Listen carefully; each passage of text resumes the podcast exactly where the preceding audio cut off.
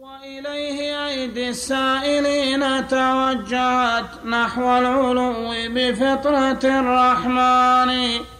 وإليه قد عرج الرسول فقدرت من قربه من ربه قوسان.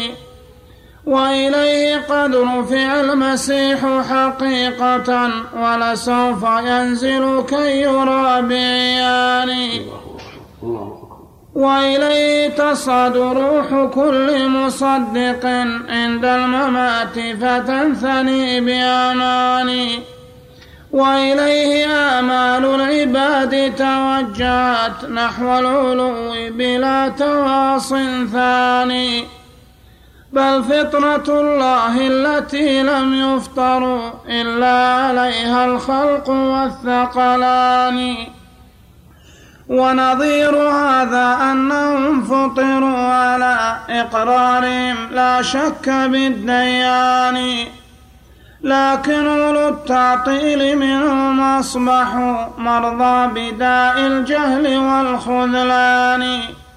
فسألت عنهم رف فسألت عنهم رفقتي وأحبتي أصحاب جهم حزب جنكز خاني. من هؤلاء ومن يقال لهم فقد جاءوا بأمر مالي الآذان ولهم علينا صولة ما صالها ذو باطن بل صاحب البرهان. أوما سمعتم قولهم وكلامهم مثل الصواعق ليس ذا لجبان. جاءوكم من فوقكم واتيتم من تحتهم ما أنتم سيان. جاءوكم بالوحي لكن جئتم بنحاتة الأفكار والأذهان. قالوا مشبهة مجسمة فلا تسمع مقال مجسم حيوان. ولعنهم لعنا كبيرا واغزهم بعساكر التعطيل غير جبان. واحكم بسفك دمائهم وبحبسهم أو لا فشردهم عن الأوطان. حذر صحابك منهم فهم أضل من اليهود وعابد الصلبان. واحذر تجادلهم بقال الله تجادلهم واحذر تجادلهم إيه بضم الله. واحذر تجادلهم بقال الله أو قال الرسول فتنثني بهواني. أنا وهم أولى به قد أنفذوا فيه قوى الأذهان والأبدان. فإذا ابتليت بهم فغالطهم على التأويل للأخبار والقرآن. وكذاك غالطهم على التكذيب للآحاد ذان لصحبنا أصلان. أوصى بها أشياخنا أشياخ طويل الكلام. أنا عندي يقول أصحاب جهم حزب جنكيز خان.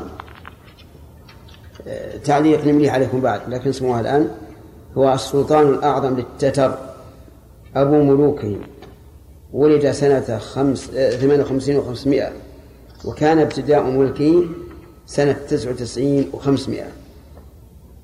وحصل وحصل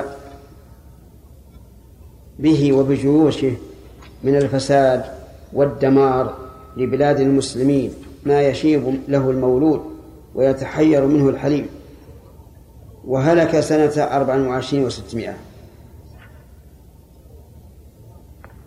عن ست وستين سنة. بعد أن خلف أمير ال... بعد أن خلف إمبراطورية كبيرة حيث تم حيث تمت له السيطرة على شمال الصين سنة عشر وستمائة والاستيلاء على تركستان وإيران وروسيا حتى وصلت سيطرته إلى الخليج العربي وغزا ابنه أوروبا حتى وصل ألمانيا والمجر سنة تسع وثلاثين وستمائة وأسس حفيده الإمبراطورية المغولية في الصين واتخذ بكين عاصمة له وكان المغول وثنيين. ثم إن بعضهم دخل في الإسلام وأسسوا الإمبراطورية المغولية الإسلامية في الهند ومنغوليا التي ظهر من ظهر منها التتر. نعم يقول ومنغوليا التي ظهر منها التتر إقليم في شرق آسيا يقع بين سيبيريا والصين. ولهم قصة عجيبة موجودة في الكامل لابن الأثير. وفي البداية والنهاية لابن كثير. إذا نقف على الفصل. نعم.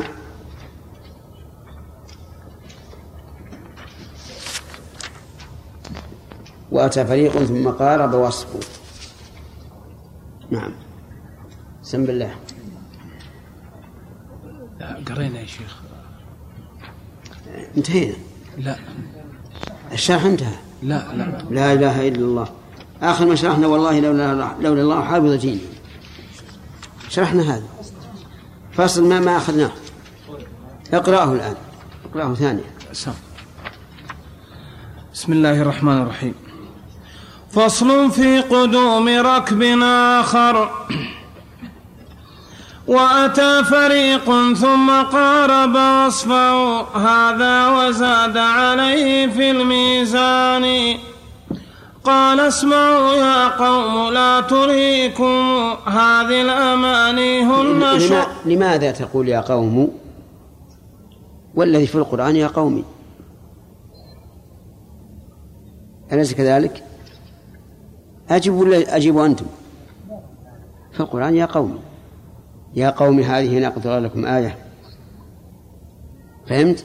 وهي أحسن من يا قوم لأن يا قوم نكرة مقصودة ويا قوم معرفة. حذفت منها لآل التخفيف. قال اسمعوا يا قوم لا تليكم هذه الأماني هن شر أماني. أتعبت راحلتي وكلت مهجتي وبذلت مجهودي وقد عياني. فتشت فوق وتحت ثم أمامنا ووراء ثم يسار مع إيماني. ما دلني أحد عليه هناكم كلا ولا بشر إليه هداني. إلا طوائف بالحديث تمسكت تعزى مذاهبها إلى القرآن. قالوا الذي تبغيه فوق عبادي فوق السماء وفوق كل مكان. وهو الذي حقا على العرش استوى لكنه استولى على الأكوان. وإليه يصعد كل قول طيب وإليه يرفع سعي ذي الشكران. والروح والأملاك منه تنزلت وإليه تعرج عند كل أوان وإليه أيدي السائلين توجهت نحو العلو بفطرة الرحمن. وإليه قد عرج الرسول فقدرت من قربه من ربه قوسان. وإليه قد رفع المسيح حقيقة ولسوف ينزل كي يرى بعيان. وإليه تصعد روح كل مصدق عند الممات فتنثني بأماني. وإليه آمال العباد توجهت نحو العلو بلا تواص ثاني بل فطرة الله التي لم يفطروا إلا عليها الخلق والثقلان. ونظير هذا أنهم فطروا على إقرارهم لا شك بالديان. لكن أولو التعطيل منهم أصبحوا مرضى بداء الجهل والخذلان. بسم الله الرحمن الرحيم. هذا فريق من الفرقاء الذين خرجوا في سفر ثم اختلفوا في مفترق الطرق. كل إنسان سلك طريقا أو كل طائفة سلكت طريقا وسبق الكلام على عدة منهم. يقول أتى فريق ثم قارب وصفه هذا وزاد عليه في الميزان. يعني معناها أنه قارب الذي قبله لكنه زاد عليه. قال اسمعوا يا قوم لا تلهيكم. هذه الأمان. هن شر أمان. الأمان معناه ما يتمناه الإنسان ولكنه لا يصل إليه. ولذلك يقال من غرته الأماني لم يفز بأماني الإنسان تمنيه نفسه. تمنيه الشيء المستحيل ولكن يتبع هذه الأمنية فيهلك. والواجب على الإنسان أن يحكم العقل فيما تلقيه فيما يلقيه الشيطان أو نفسه الأمارة بالسوء على قلبه حتى يكون مستقيما في سلوكه إلى الله عز وجل.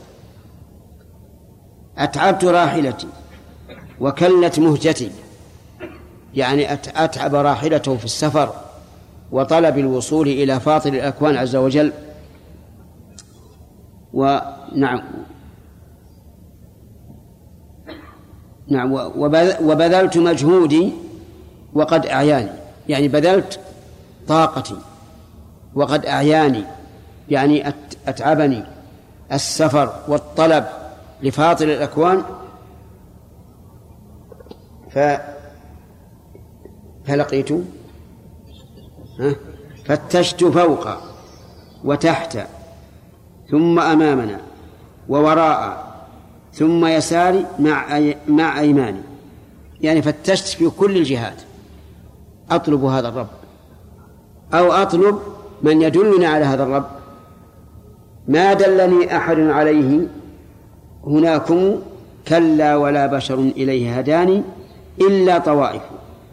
بالحديث تمسكت الآن أقر هذا الرجل أنه طاف في الأرض وسار وتعب وأعيا يطلب خالق الأكوان ولم يدله عليه إلا من؟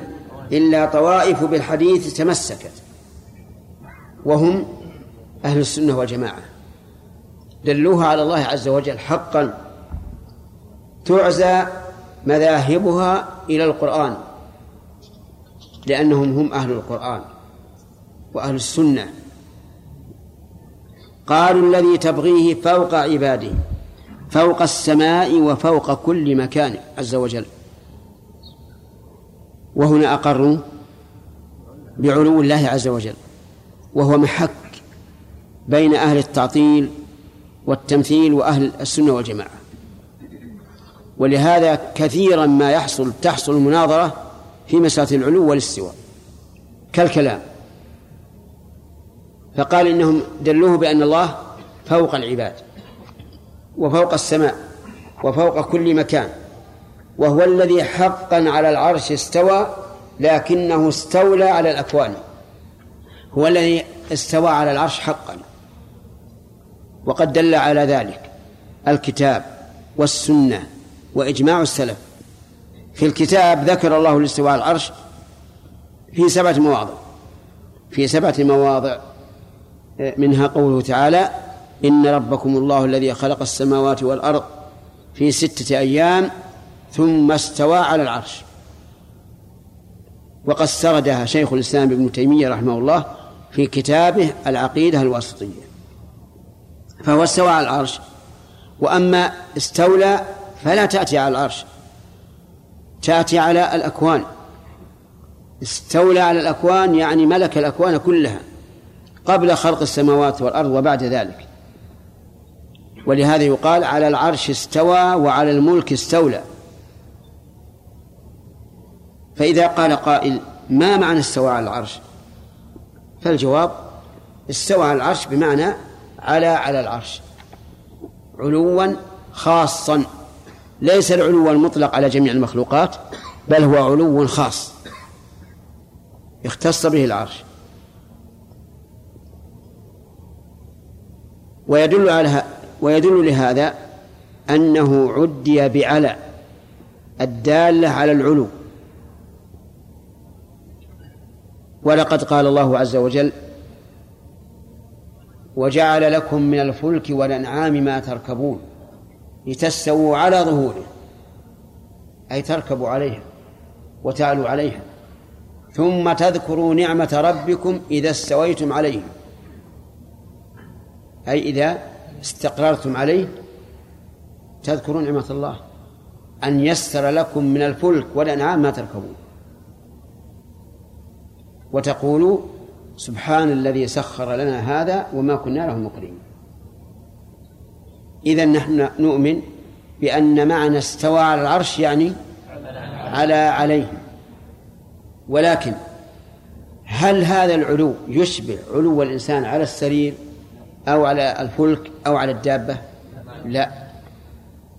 لقول الله تعالى ليس كمثله شيء وهو السميع البصير.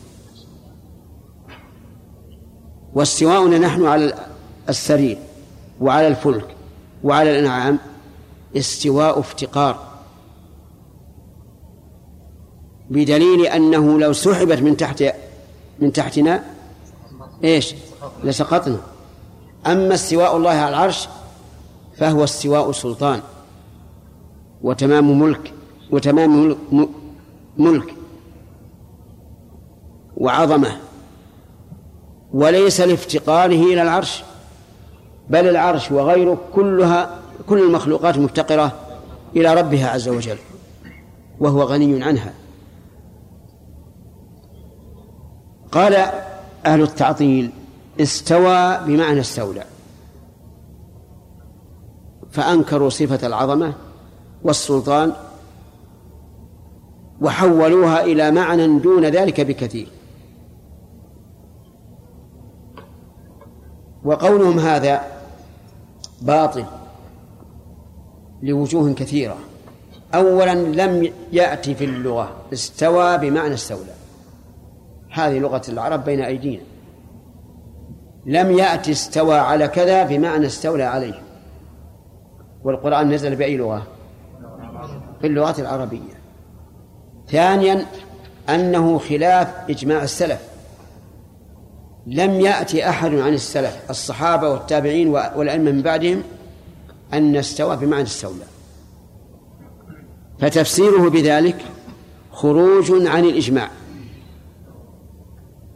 داخل في قول الله تعالى ومن يشاقق الرسول من بعد ما تبين له الهدى ويتبع غير سبيل المؤمنين نوله ما تولى ونصله جهنم وساءت مصيره. ثالثا أنه يلزم عليه لوازم باطلة منها أنه إذا كان استوى بمعنى استولى. لزم أن يكون ملك العرش قبل خلق السماوات والأرض. لمن؟ لغير الله. لأن الله قال خلق السماوات والأرض في ستة أيام ثم استوى بعد خلقه.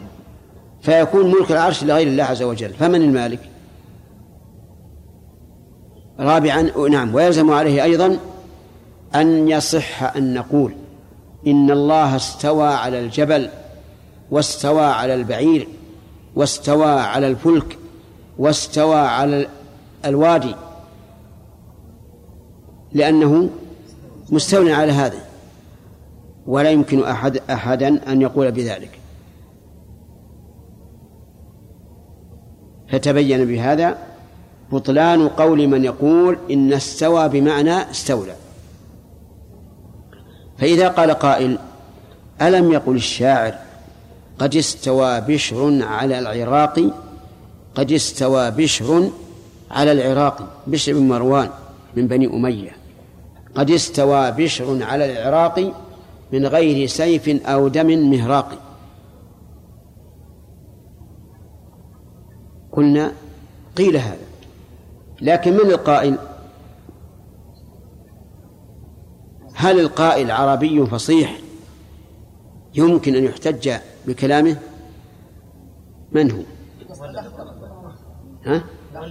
لا ليس الأخطل. الأخطل يقول إن الفؤاد إن الكلام لا في الفؤاد وإنما جعل اللسان على الفؤاد دليل. هذا مجهول. لا يعلم قائل. ثم لو علم فهو بعد تغير اللسان.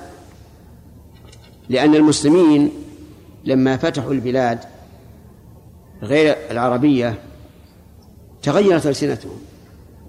كما تغيرت ألسنتنا نحن الآن.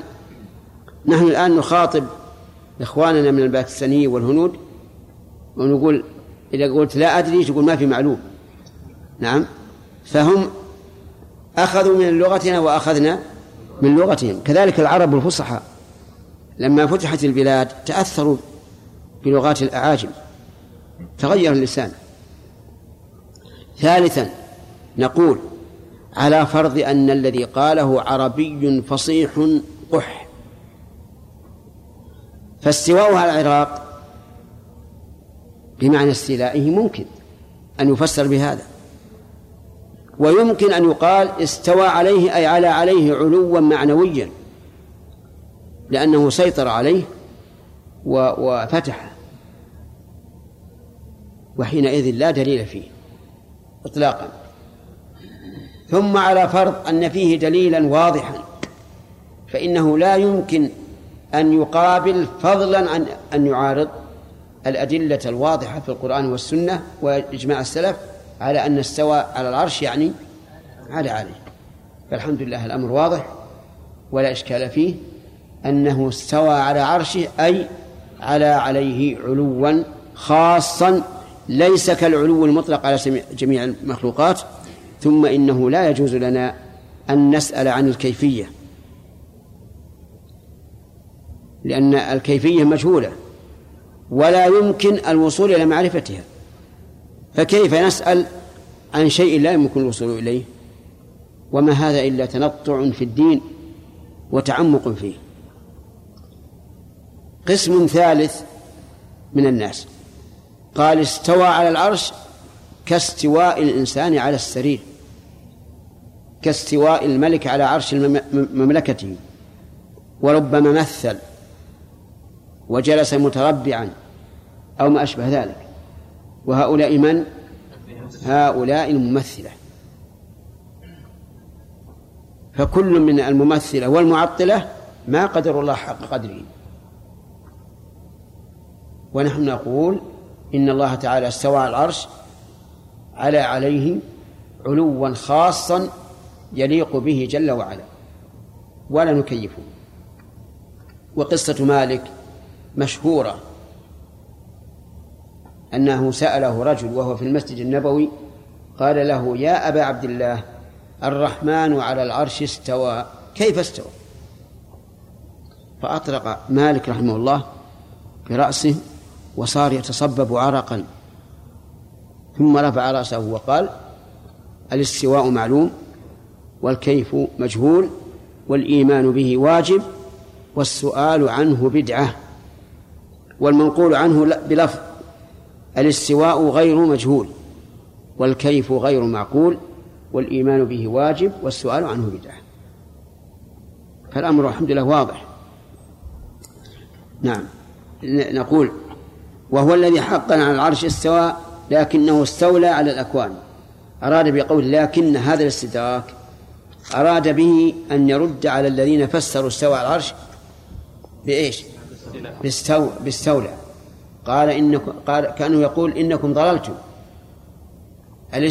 الاستيلاء على جميع الأكوان. وأما الاستواء فعلى العرش. وإليه يصعد كل قول طيب. لقول الله تعالى إليه يصعد الكلم الطيب. وهذه الآية من أدلة العلو الذاتي. وجه ذلك الأخ. قل. أي أنت؟ إليه أي إلى الله يصعد الكلم الطيب. هذا يدل على علوه. وجهه؟ لأن الصعود يعني الارتفاع. طيب. تقول مثلا الإنسان آه، اصعد إلى فلان في الدور الثاني. أي ارتفع إليه.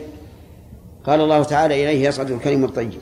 وإليه يرفع سعي ذي, الشكر ذي الشكران. مأخوذ من قوله والعمل الصالح يرفعه. والروح والأملاك منه تنزلت. هذا مذكور في سورة القدر. في قول تنزل الملائكة والروح فيها بإذن ربهم من كل أمر سلام حتى مطلع الفجر. وإليه تعرج عند كل أوان تعرج الملائكة والروح إليه. فالنزول يدل على علوه والعروج إليه يدل على علوه. وإليه أيدي السائلين توجهت نحو العلو بفطرة الرحمن. أي إنسان يسأل الله؟ أين توجه يده؟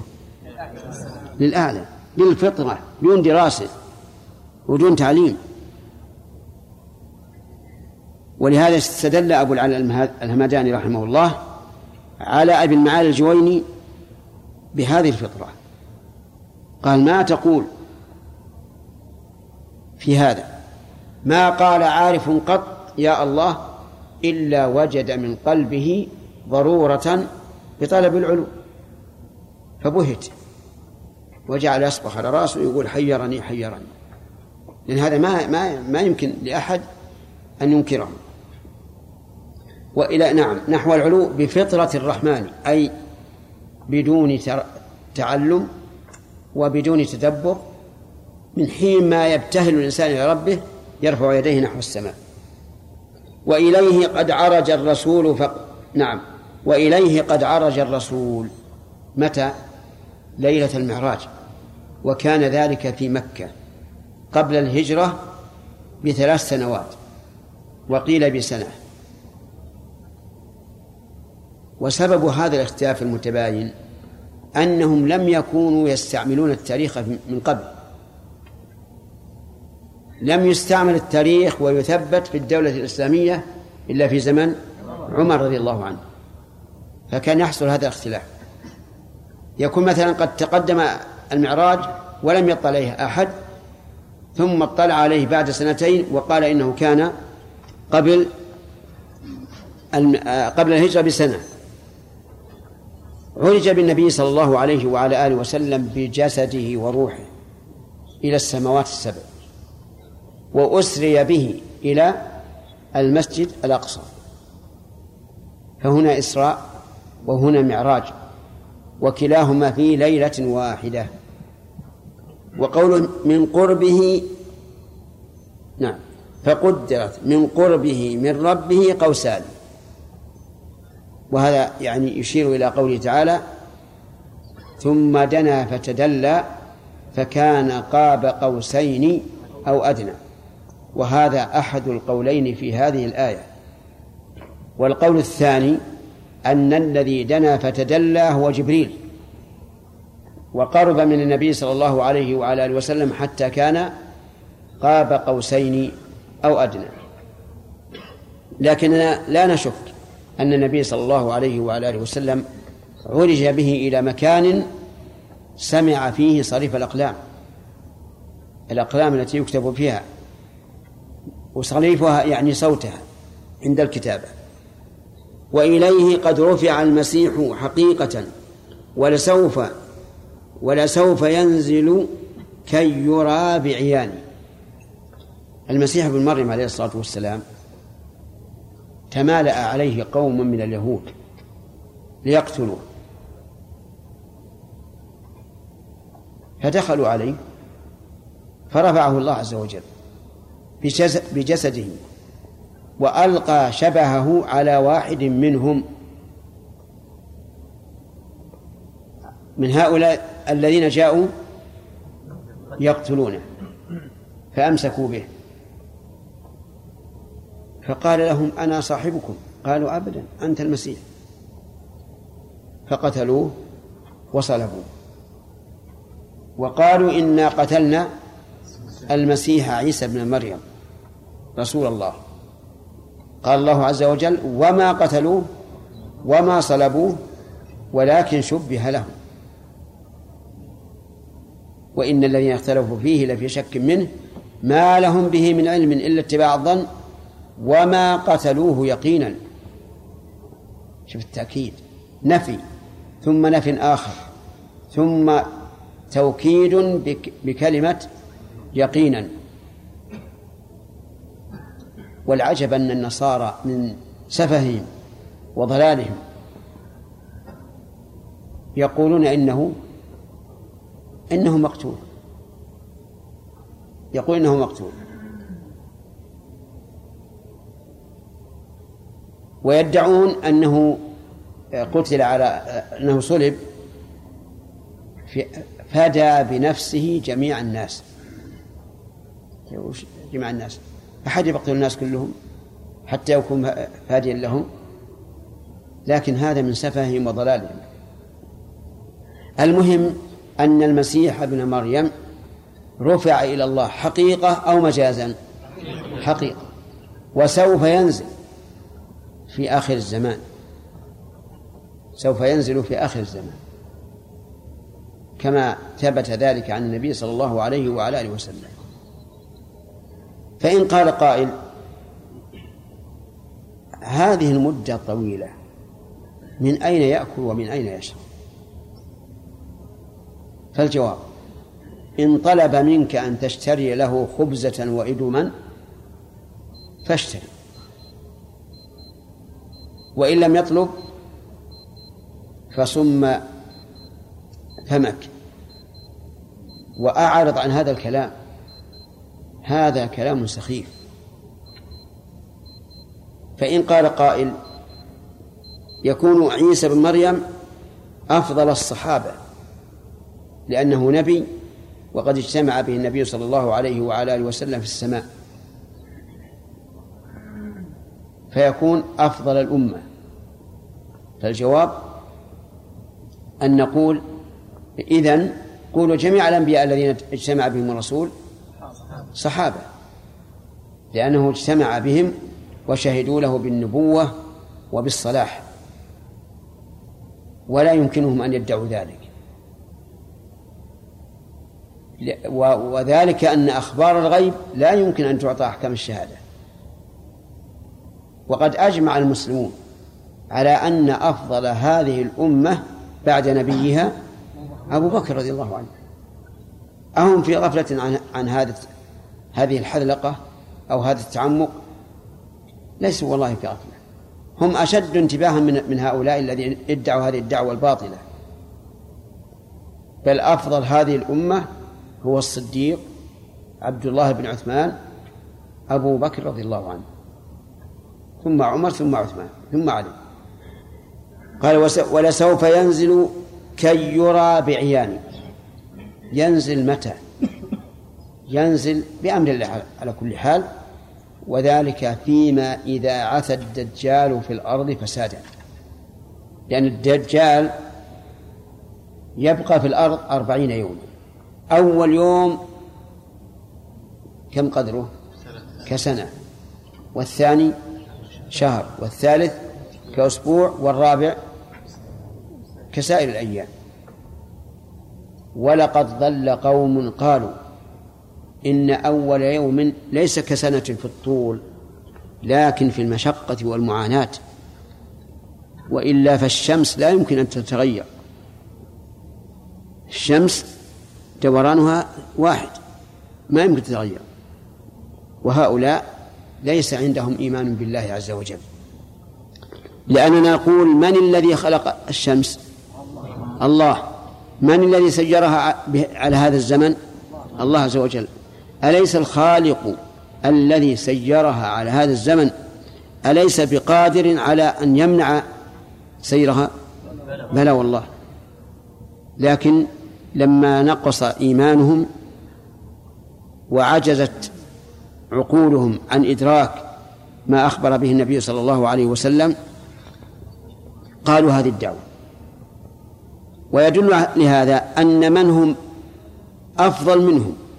وأصح عقولا وأقوى فهما فهموا أن الطول طول زمن ما هو طول مشقة. فقالوا يا رسول الله هذا اليوم الذي كسنه هل تكفينا فيه صلاة يوم واحد؟ قال لا اقدروا له قدره فأقرهم النبي صلى الله عليه وسلم على فهمهم وأزال عنهم الإشكال. بأن هذا اليوم الطويل الذي قدره 12 شهر يصلى فيه صلاة 12 شهرا قال ابن القيم رحمه الله وإليه تصعد روح كل مصدق عند الممات فتنثني بأماني. إليه أي إلى الله تصعد روح كل مصدق أي كل مؤمن حتى تصل إلى الله عز وجل. تخرق السماوات السبع حتى تصل إلى الله. فيأمر الله عز وجل أن تعاد إلى الأرض إلى جسدها الذي كانت تعمره في الدنيا. فيقول فإني منها خلقتهم وفيها أعيدهم ومنها أخرجهم تارة أخرى. شوف سبحان الله يعني شأن الروح عجيب جدا. شأن الروح والملائكة أيضا عجيب. في هذه اللحظات التي يغسل فيها الميت ويكفن ويدفن تصعد الروح إلى أعلى شيء. تخلق السماوات وتمر بالملائكة ويشمون رائحتها الطيبة ثم تعود حتى تكون في في جسدها في القبر. وهذا مما يدل على أن الأرواح والملائكة لهم شأن غير غير شأن الأجسام الثقيلة هذه. وإليه آمال العباد توجهت نحو العلو بلا تواص ثاني. كل العباد الذين يؤمنون بالله تجد قلوبهم معلقة بإيش؟ بالعلو بدون أي قراءة وأي تلقين. بل فطرة الله أي بل هي فطرة الله التي لم يفطروا إلا عليها الخلق والثقلان. قوله رحمه الله بل فطرة الله. الفطرة هي أول الخلق. كما قال عز وجل فاطر السماوات والأرض. وقال النبي صلى الله عليه وعلى آله وسلم كل مولود يولد على الفطرة التي لم يفطروا إلا عليها الخلق والثقلان. كيف نعرب نعرب الخلق؟ نعم. نائب فاعل والواو. لا يفطر. الواو يفطر. نعم. عبد الله. كيف؟ وش اللي بدل يعني ليست نائب فاعل. بدل من نائب الفاعل. عندنا قولان. نعم. رجعت؟ طيب. هنا قول ثاني أنا أقوله. أن تكون من لغة أكلوك أنت ولا غيرك؟ بعض الناس يعبر فيقول أكلوه البراغيث. لكن لا حرج أن تقول أكلون البراغيث لأنه مثال. مثال قاله عربي. فتحكي قوله. ها؟ أقول يحكم شريعة محمد صلى الله عليه وسلم في أمة محمد صلى الله عليه وسلم. هذا شيخ وش يصير من تصير تبع محمد محمد صلى الله عليه وسلم ويكون لا هو يكون سابق على محمد صلى الله عليه وسلم. لكن كل الأنبياء أخذ عليهم الميثاق إذا أتاهم رسول الله صلى الله عليه وسلم أن يؤمنوا به وينصروه. ثم هو يكسر الصليب ويقتل الخنزير ولا يقبل إلا الإسلام. لا يشتبه عليك أنه أتى بشريعة جديدة. بل نقول إن هذا نعم. ما يلزم. إنما قلنا في استوى على العرش أنه يلزم لأنه أتى بثم. خلق ثم استوى. أما إذا قلنا أن الله مستولى على جميع الخلق ما في شيء. لا لا. هذاك إنما قلنا أنه باطل لأنه أتى بعد قوله خلق السماوات والأرض ثم استوى. نعم. إيه. تصعد ولكن ترد. كما قال عز وجل لا تفتح لهم أبواب السماء ولا يدخلون الجنة حتى يلج الجمل في سم الخياط. وإذا ولج الجمل في سم الخياط ها فتحت لهم أبواب السماء. كذا؟ وكذلك يدخلون الجنة إذا ولج الجمل في سم الخياط. تمام؟ هذا مفهوم الآية. وتوافق على هذا المعنى؟ كيف؟ ليش؟ عجيب. أنا أمشي معك وتقول نعم نعم. ها؟ ها أحسنت. إذا هذا من باب التعليق على المستحيل الذي يدل على استحالة المعلق عليه. ألم تسمع قول الشاعر؟ إذا شاب الغراب أتيت أهلي وصار القار كاللبن الحليب. هل يمكن هذا؟ نعم. لا يمكن. الغراب ما, ما يمكن يكون أبيض. والقار ما يمكن. فهذا تعليق بالمستحيل. وهو من أساليب اللغات العربية التي يكون فيها آه، تشوف النفس إلى حل هذا المعنى. نعم يا محمد. هؤلاء الذين ينكرون نزول عيسى عليه الصلاة والسلام آخر الزمان إيش؟ بعض الناس ينكرون يعني آه، نزول. نزول عيسى عليه الصلاة والسلام. يقولون إذا قلنا أنه سيرجع آخر الزمان كما دل عليه يعني أحاديث متواترة أنه يكون يعني أنه تابع من النبي صلى الله عليه صلى الله عليه وسلم.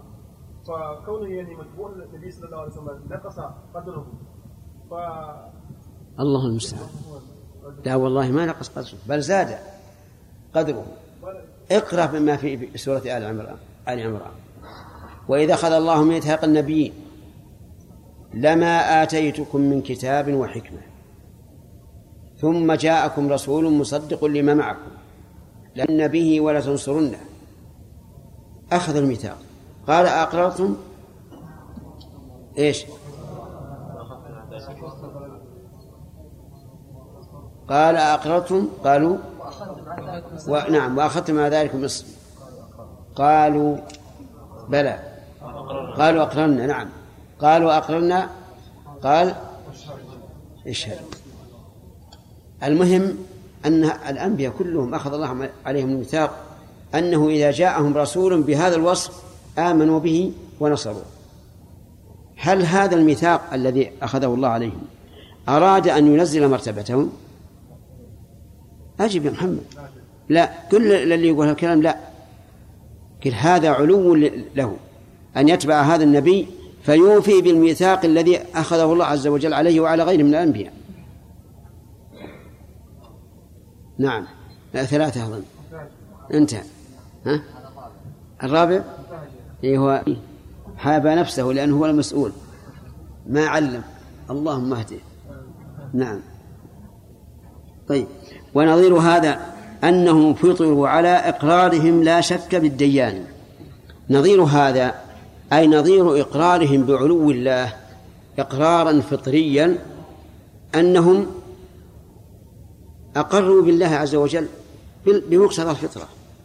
كل إنسان يعرف أن له ربا وأن له إلها. كل إنسان بالفطرة. لكن كما قال النبي صلى الله عليه وعلى آله وسلم أبواه يهودانه أو ينصرانه أو يمجسانه. قال و و ولكن أولو التعطيل منهم أصبحوا مرضى بداء الجهل والخذلان. يشير إلى أن أن أهل التعطيل الذين سبق ذكرهم هؤلاء والعياذ بالله أصبحوا مرضى بداء الجهل والخذلان. نعم. ها. باقي؟ باقي الشرح؟ لا خلاص. فسألت عنهم رفقتي وأحبتي. أصحاب جهم حزب جنكيز خان من هؤلاء ومن يقال لهم فقد جاءوا بأمر مالئ الآذان. هذا الرجل كأنه في أول الأمر من أصحاب الجهم من الجهمية. ثم دل على على من؟ على أهل الحديث. فقالوا نعم. من هؤلاء؟ ومن يقال لهم فقد جاءوا بأمر مالئ الآذان. يعني معنى مالئ الآذان أن الآذان لا تسمع لغيره. لأنها امتلأت واقتنعت. ولا يمكن أن يدخلها شيء آخر سواه. ولهم علينا صولة ما صالها ذو باطل بل صاحب البرهان. يعني لهم علينا يعني لأهل الحديث صولة. صولة عظيمة ما صالها أحد إلا صاحب البرهان فإنه يصول ببرهانه ودليله أو ما سمعتم قولهم وكلامهم مثل الصواعق ليس ذا لجبان. يعني أن قولهم لا يمكن دفعه. وقولهم قاض على كل ما يقوله أهل التعطيل. وهذا الذي ذكره ابن القيم على هذا الصفة من باب من باب التمثيل لأن التمثيل بمثل هذه الأمور الحسية للأمور المعنوية يعطي الكلام جمالا. جاءوكم من فوقكم وأتيتم من تحتهم ما أنتم سيان. أيما أبلغ أن يأتيك الإنسان من فوق أو من تحت. من فوق. ولهذا إذا جاء العدو من فوق سيطر عليك بلا شك. وفرق بين ما يكون يرميك من أعلى الجبل وأن ترميه من أسفل. بينهما فرق عظيم. فيقول إن هؤلاء أتوكم من فوق. وأنتم أتيتموهم من تحت فما هذان السجان. جاءوكم بالوحي. لكن جئتم بنحاتة الأفكار والأذهان. وأيهما أبلغ؟ من جاء بالوحي. نعم. قالوا مشبهة مجسمة فلا تسمع مقال مجسم حيواني والعنهم لعنا كبيرا واغزهم بعساكر التعطيل غير جبان. واحكم بسفك دمائهم وبحبسهم أو لا فشردهم عن الأوطان. حذر صحابك منهم فهم أضل من اليهود وعابد الصلبان. واحذر تجادلهم بقال الله أو قال الرسول فتنثني بهواني. أنا وهم أولى به قد أنفذوا فيه قوى الأذهان والأبدان. فإذا ابتليت بهم فغالطهم على التأويل للأخبار والقرآن. وكذاك غالطهم على التكذيب للآحاد ذان لصحبنا. وصائم باردة. يقول قالوا مشبه مجسمة. من القائل هذا؟ أهل التعطيل من الجهمية وغيرهم يقولون لأهل الحديث إنهم مشبهة مجسمة. مشبهة لأنهم أثبتوا الصفات وادعى هؤلاء المعطلة أن كل من أثبت لله صفة فقد مثله بخلقه إذا كان للمخلوق مثلها. هكذا قاعدتهم. قالوا مجسمة لأنه سبق لنا الكلام في هذا وبينا أن التجسيم لم يرد إثباته ولا نفيه في القرآن والسنة وأنه حادث وأن لفظه لا لا يثبت وأما معناه فيستفصل فيه. فلا تسمع مقال مجسم حيوان. لا تسمع مقالتهم فإنهم حيوان يعني كالبهائم. و والعنهم لعنا كبيرا وغزهم بعساكر التعطيل غير. هذا من شيم أهل التعطيل وأهل البدعة. يقابلون أهل السنة بالشتائم واللعنات. وأهل السنة لا يقابلونهم بهذا. أهل السنة لا تسمع لهم لعنا لأهل البدع. وإنما يقابلونهم بالأدلة الدالة على إثبات الحق. وإبطال الباطل. أما هؤلاء فليس عندهم إلا الصياح والتلعين والسب والشتم. ولعنهم لعنا كبيرا واغزهم بعساكر التعطيل غير جبان. والله اللي يغزو بعساكر التعطيل مخذول على كل حال. عساكر التعطيل من هم؟ أهل التعطيل جميعهم. وكن غير جبان. إذا أمسكه أهل الحديث. هو يدعي الآن أنه أنه آه، بطل وأنه شجاع وأن معه أمم. أمما ولكن ما أسرع ما يخطئ. اسمع. قال واحكم بسفك دمائهم وبحبسهم أولى. يعني لم تحكم بهذا ولا هذا فشردهم من الأبطال. نسأل الله العافية. كما قال الله عز وجل عن قريش وإذا يمكر بك الذين كفروا إيش؟ ليثبتوك أو يقتلوك أو يخرجوك. هذا نفس الشيء. هم يطالبون بقتل أهل السنة. يعني أهل يعني أهل الحديث. أو حبسهم أو تشريدهم من الأوطان. حذر صحابك منهم. فهم أضل من اليهود أضل من اليهود وعابد الصلبان. نسأل الله العافية.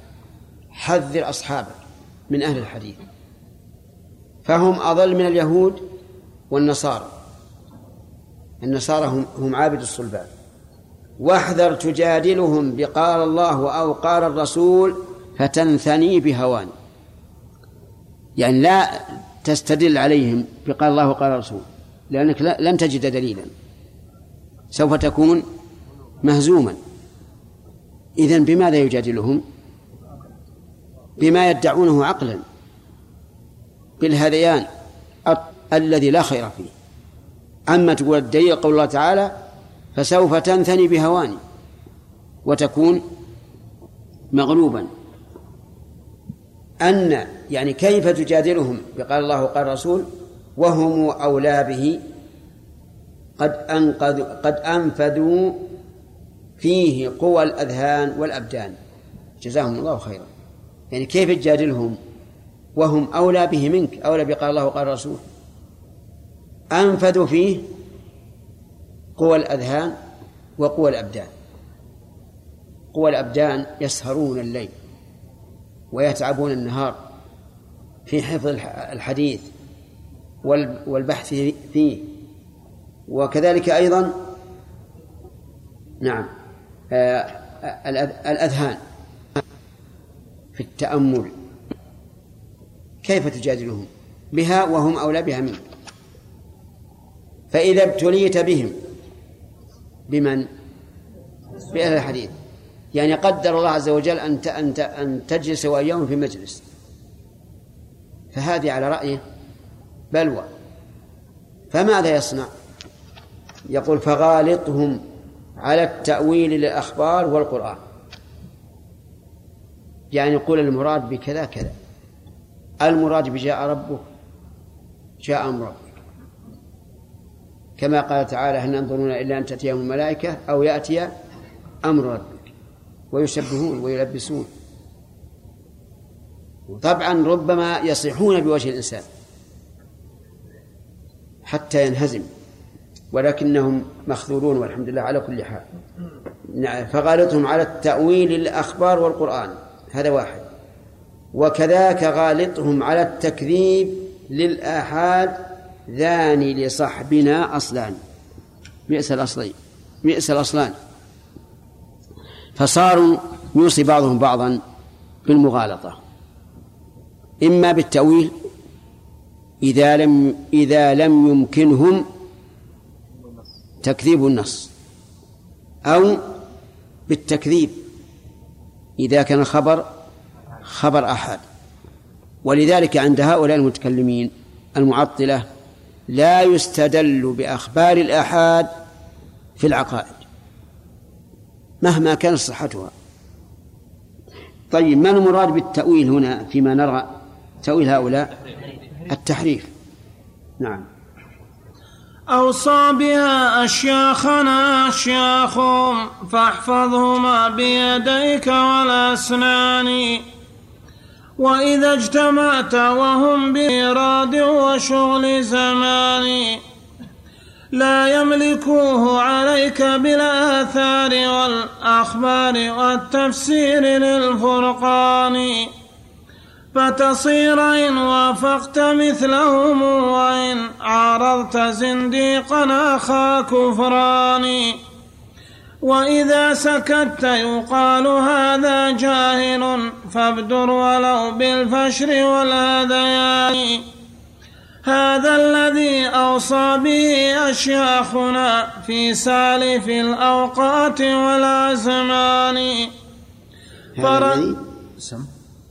أنا عندنا يختلف. قال هذا الذي والله أوصانا به أشياخنا في سالف الأزمان. كذا عندكم؟ لا الأوقات إيه. هذه نص- شرح لها الرأس. طيب نشرح هذا. يقول أوصى بها أشياخنا أشياخهم أي بهذين الأصلين وهما التأويل الذي هو تحريف والتكذيب. فاحفظهما بيديك والأسنان. يعني أمسكهما باليدين هكذا وبالأسنان. عشان يكون ال- الإمساك قويا ثلاثيا. قال النبي صلى الله عليه وسلم في سنته تمسكوا بها وعضوا عليها بالنواجذ. فهؤلاء أوصوا بالتمسك بما هم عليه من الباطل والعض عليه بالأسنان.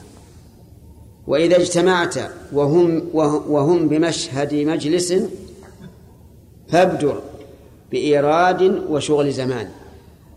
يعني إذا اجتمعت في مجلس معهم بادر أنت. بادر بإيش؟ بإرادات لو قال قائل كذا فالجواب كذا؟ اشغل المجلس بهذه الإرادات أو بالسواليف كما يقول الع- العوام. لا تجعل هم الذين يبدأون. إن بدأوا مشكل. لكن أنت اللي ابدأ. نعم. وهذا كما صنع صنع حذيفة رضي الله عنه لما أرسله النبي صلى الله عليه وسلم إلى الأحزاب. يصبر القوم. وجد أبا سفيان ومن حوله وكأنهم خافوا. فقال أبو سفيان لينظر كل واحد منكم من جليسه. يقول فأخذت بيد ال- المشرك اللي جنبه. "ما- من أنت؟ بادر. نعم وهذه من السياسة. هؤلاء أوصوا أصحابهم أن يبادروا بالكلام حتى يسيطروا على المجلس. يقول آه، نعم. لا يملكوه عليك بالآثار. يعني إن بدأوا فسوف يبدأون بالآثار من الكتاب والسنة. والأخبار. والتفسير للفرقان فتصير إن وافقت مثلهم وإن عارضت زنديقا أخا كفران. صحيح. إذا بدأوا بالكتاب والسنة فإن وافقهم صار مثلهم مجسما مشبها وإن خالفهم فهو كافر زنديق لأنه خالف الكتاب والسنة. فهذه سياسة في باب المجادلة. أنك إذا اجتمعت مع شخص باطل فابدأ أنت حتى يكون مقامه مقام مدافع لا مقام مهاجم. وإذا سكت وهذا وهذا الاحتمال الثالث. الاحتمال الأول أن يوافق. فيكون ممثلا مجسما. الثاني أن يعارض فيكون زنديقا ملحدا. الثالث أن يسكت. وإذا سكت يقال هذا جاهل فابدر يعني بادر ولو بالفشر والهذيان. الفشر يعني الكذب. بادر أنت. هذه وصايا لا شك أنها وصايا نافعة لو كانت في حق. أما إذا كانت في باطل فهي باطلة.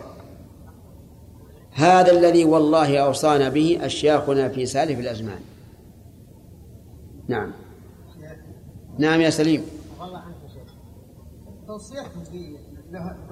ب- بالكلام هذا يدل عليهم أنهم دليل ما هم على ما هم على شيء. ما يستبعد. يعني ما يستبعد أن بعضهم يعلم الحق لكنه مصر على باطلهم. وهم يقولون يا شيخ هذا ابدا ابدا أنت الأول هو بيسوي كذا وبيسوي كذا. إيه. ولا لك معهم حجة لما نتكلم ما لك معهم حجة. إذا تكلموا بالحديث وال- والقرآن. اي نعم. إيه صحيح. هذا صحيح. صحيح. يدل على أنهم دليل عن انهم فاهمين كل شيء. إيه لكنهم معرفين عن اللهم عافنا اللهم عافنا. نسأل الله العافية. نعم. فرجعت من سفري وقلت لصاحبي ومطيتي قد أت بحراني عطر ركابك واسترح من سيرها ما ثم شيء غير ذي الأكوان. لو كان للأكوان رب خالق كان المجسم صاحب البران. أو كان رب بائن عن ذي الورى كان المجسم صاحب الإيمان. ولكان عند الناس أولى الخلق بالإسلام والإيمان والإحسان. ولكان هذا الحزب فوق رؤوسهم لم يختلف منهم عليه اثنان فدع التكاليف التي حملتا واخلع عذارك وارم بالأرسان. ما ثم فوق العرش من رب ولم يتكلم الرحمن بالقرآن. لو كان فوق العرش رب ناظر لزم التحيز وافتقار مكان لو كان ذا القرآن عين كلامه حرفا وصوتا كان ذا جثمان فإذا انتفى هذا وهذا ما الذي يبقى على ذا النفي من إيمان فدع الحلال مع الحرام لأهلي فهما السياج لهم على البستان. فاخرق ثم ادخل ترى في ضمني قد هيئت لير الألوان. وترى بها ما لا يراه محجب من كل ما تهوى به زوجان. واقطع لائقك التي قد قيدت هذا الورى من سالف الأزمان. لتصير حرا لست تحت أوامر كلا ولا نهي ولا فرقان. لكن جعلت حجاب نفسك إذ ترى فوق السماء للناس من ديان. لو قلت ما فوق السماء مدبر والعرش تخليه من الرحمن. والله ليس مكلما لعبادي كلا ولا متكلما بقرآن. ما قال لا ما قال قط ولا يقول ولا له قول بدا منه إلى إنسان. لحللت طلسمه وفزت بكنزي وعلمت أن الناس في هذيان لكن زعمت بأن ربك بائن من خلقه إذ قلت موجودان. وزعمت أن الله فوق العرش والكرسي حقا فوقه القدمان.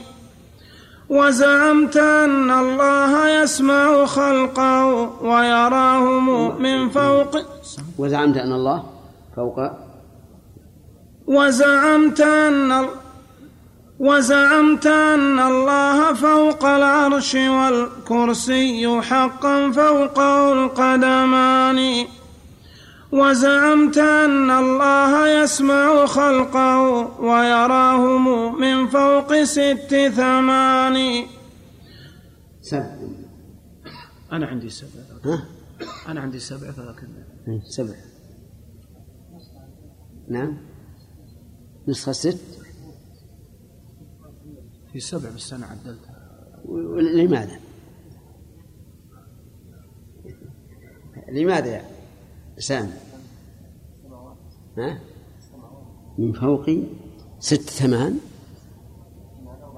أي وين؟ ما هي 14 إيه، لكن ظاهر الكلام يسمع خلقه في الأرض.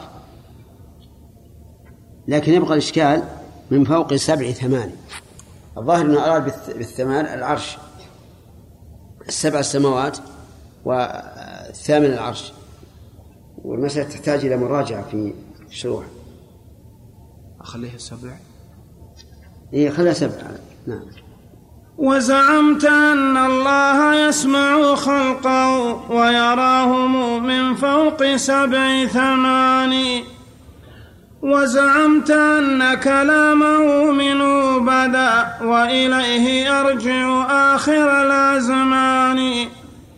ووصفته بالسمع والبصر الذي لا ينبغي إلا لذي الجثمان. ووصفته بإرادة وبقدرة وكراهة ومحبة وحنان. وزعمت أن الله يعلم كل ما في الكون من سر ومن إعلان. والعلم وصف زائد عن ذاته عرض يقوم بغير عرض عرض. بفتح الراء. والعلم وصف زائد عن ذاته عرض يقوم بغير ذي جثمان.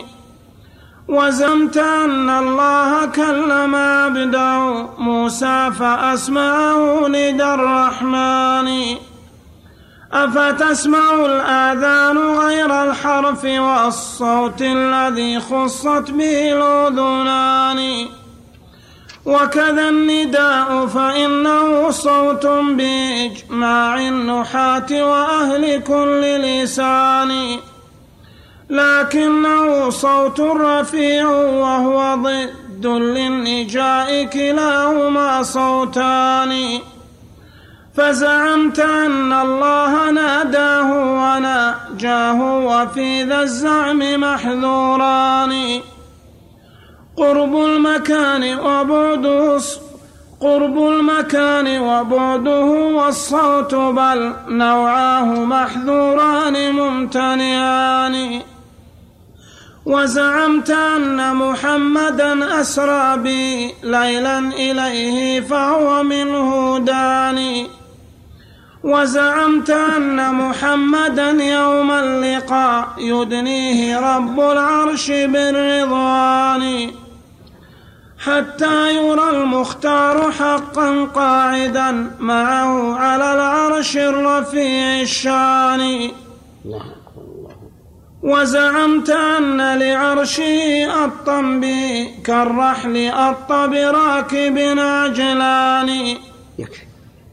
انتهى الوقت يقول المراقب إنه انتهى الوقت وزاد نأخذ الأسئلة هذه ثلاثة طيب هذا يقول محمد خليل هل صحيح أن السلف كان من منهجهم الا يحكموا على الرجل أنه من أهل السنة إلا إذا اتصف بصفات أهل السنة وأنه إذا ابتدع بدعة أو أثنى على أهل البدعة آه، يعد منهم ولا لم يعد منهم؟ يعد من من؟ من البدعة.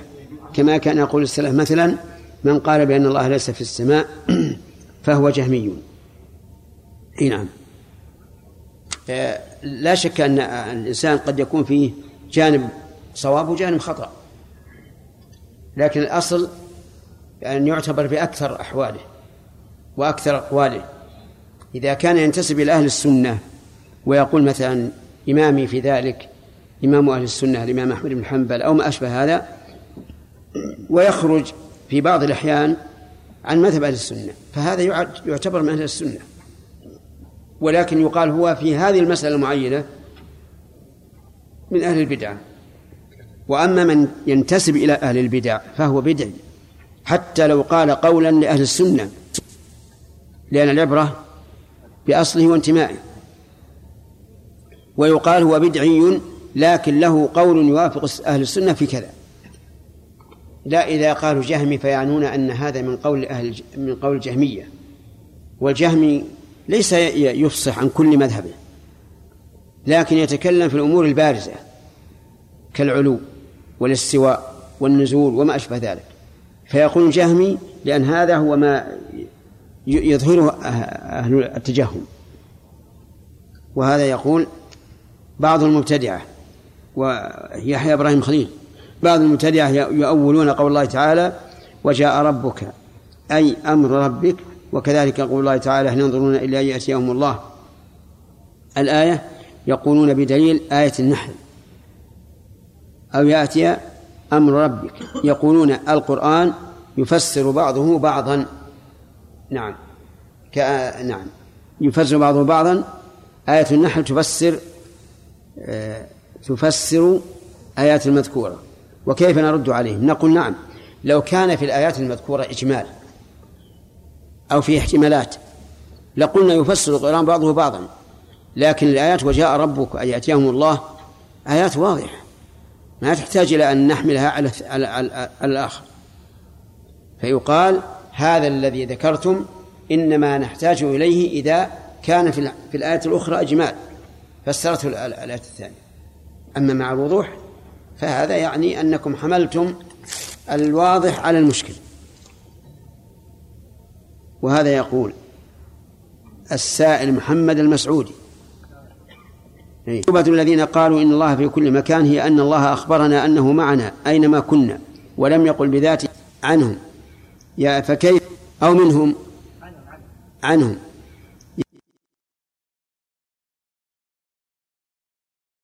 يا فكيف نرد عليهم الشبهة؟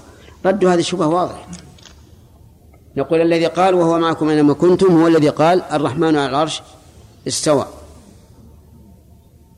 فإذا أخذتم بالأولى وتركتم الثانية فقد آمنتم ببعض الكتاب وكفرتم ببعض. و ومن المعلوم أنه إذا قال هو معنا لا ينافي أن يكون في السماء. وذكرنا هذا لكم. قلنا لا ينافي هذا من ثلاثة أوجه.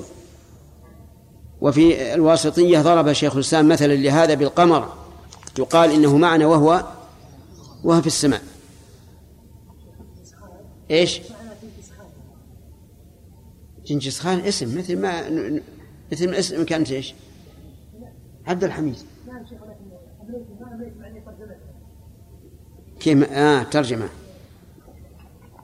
ما أدري الظاهر أمليناها عليكم آه، قرأناها عليكم. يعني تريدون نمليها عليكم؟ لا طويل شوي. طيب نملي عليكم المهم من الترجمة. بسم الله الرحمن الرحيم. الحمد لله رب العالمين وصلى الله وسلم عن على نبينا محمد وعلى آله أجمعين.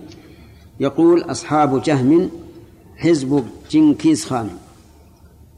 هو آن الأعظم للتتر. والسلطان الأعظم للتتر أبو ملوكهم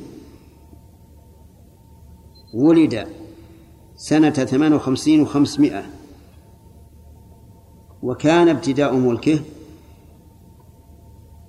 سنة تسع وتسعين وخمسمائة. وحصل من جيوشه من الفساد.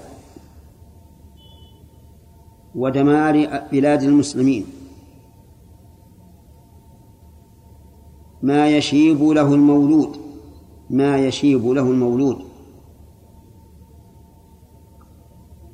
ويتحير منه الحليم.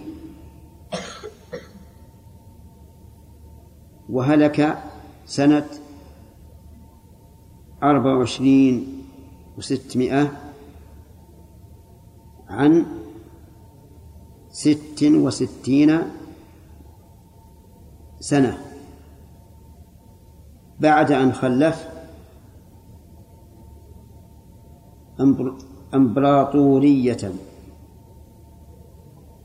كبيرة حيث تمت له السيطرة على شمال الصين. سنة عشر وستمائة. سنة عشر وستمائة. واستولى على تركستان. وإيران. وروسيا.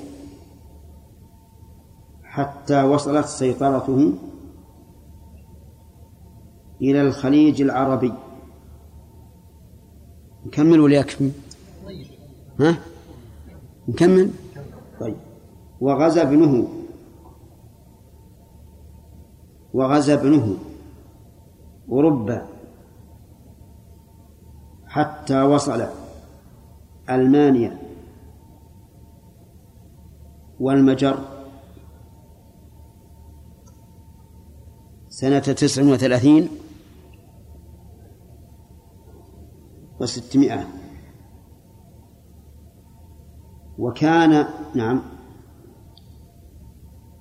وأسس حفيده. الإمبراطورية المغولية. في الصين. واتخذ بكين واتخذ بكين عاصمة له. وكان المغول وثنيين.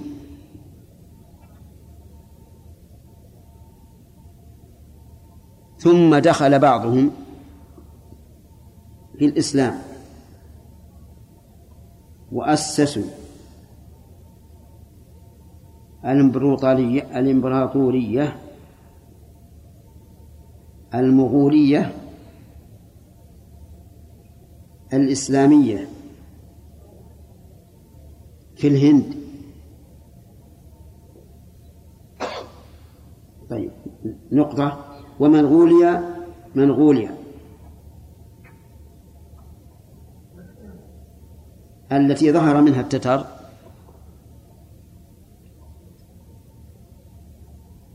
إقليم في شرق آسيا. إقليم في شرق آسيا. يقع بين سيبيريا والصين.